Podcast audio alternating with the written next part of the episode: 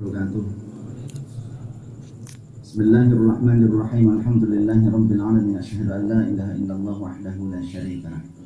وأشهد أن سيدنا محمدا عبده ورسوله لا نبي بعده. اللهم صل على سيدنا محمد الفاتح لما أغلق والخاتم لما سبق. ناصر الحق بالحق. الهادي إلى صراطك المستقيم. وعلى آله وصحبه حق قدره ومقدار عظيم سبحانك لا علم لنا إلا ما علمتنا إنك أنت العليم الحكيم. ربنا افتح بيننا وبين قومنا بالحق وأنت خير الفاتحين. اللهم نور قلوبنا بنور هدايتك كما نورت الأرض بنور شمسك أبدا أبدا برحمتك يا أرحم الراحمين. اللهم ارزقنا فهم النبيين وحفظ المرسلين وإلهام الملائكة المقربين. Rabbi zidna ilman nafi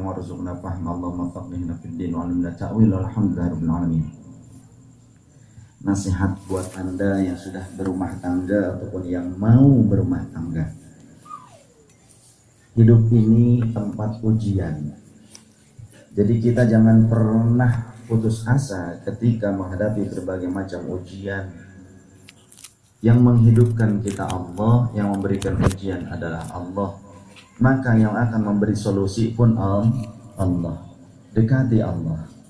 Takwa kepada Allah. Niscaya Allah akan memberikan jalan keluar kepadamu. Jangan pernah kita selalu mengandalkan egoisme kita. Setiap orang punya keinginan. Maka tentu kalau kita selalu memaksakan keinginan kita, maka pasangan kita pun akan memaksakan keinginannya maka berbuatlah bijaksana. Jadilah manusia yang penuh pertimbangan yang baik. Jadilah manusia yang selalu mampu untuk saling berkorban terhadap pasangannya. Bukan memaksa pasangannya berkorban untuk dirinya. Setiap manusia punya kelemahan, setiap punya setiap manusia punya sisi kekurangan. Maka sebaik-baik rumah tangga adalah sebaik-baik pasangan adalah yang bisa menerima kekurangan pasangannya. Karena orang yang mau menerima kelebihan pasangannya itu terlampau banyak betul? Sudah tidak aneh. Setiap orang pasti mau menerima kelebihan dari pasangannya. Tapi sangat sedikit orang yang mau menerima kekurangan pasangannya. Maka ketika kita memahami bahwa kita pun adalah orang yang memiliki kekurangan, kita akan mudah memaafkan. Sifat afaf, sifat pemurah, saling memaafkan satu sama lain.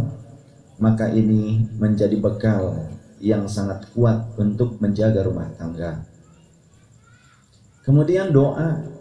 La yaruddul qada'a illa doa. Tidak ada yang bisa merubah qada kecuali doa. Ad-doa silahul mu'min. Doa adalah senjatanya orang beriman.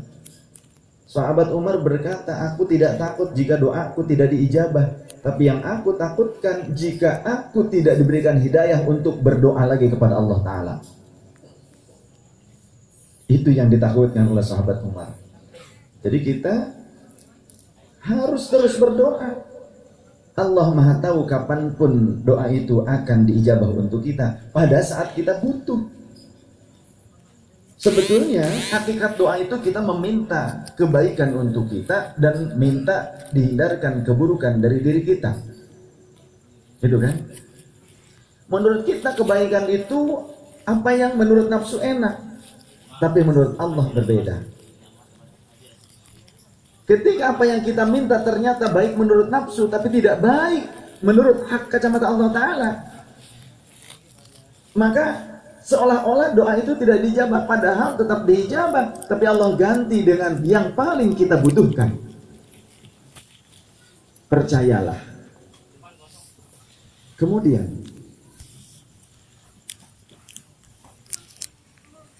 biasakan bagi kaum laki-laki mengazani kamarnya. Kamar pengantin kamar ya bersama istri. Adani karena dengan adzan itu setan akan terhindar. Akan menghindarkan dari godaan setan. Kata Rasul, jika ada jin ghailan mengganggu kalian, fal yunadi bil adzan. Maka lantunkan adzan. Jadi adzan itu pun untuk pengusir setan. Rumah kita adzanin. Tiap ruangan kecuali toilet adani itu bagus. Dalam Al-Adhkar Imam An-Nawawi jika ingin menghindarkan diri dari gangguan jin wailan, jin wailan itu sebangsa setan. Maka lantunkan adab. Demikian. Termasuk ketika ada yang kesurupan.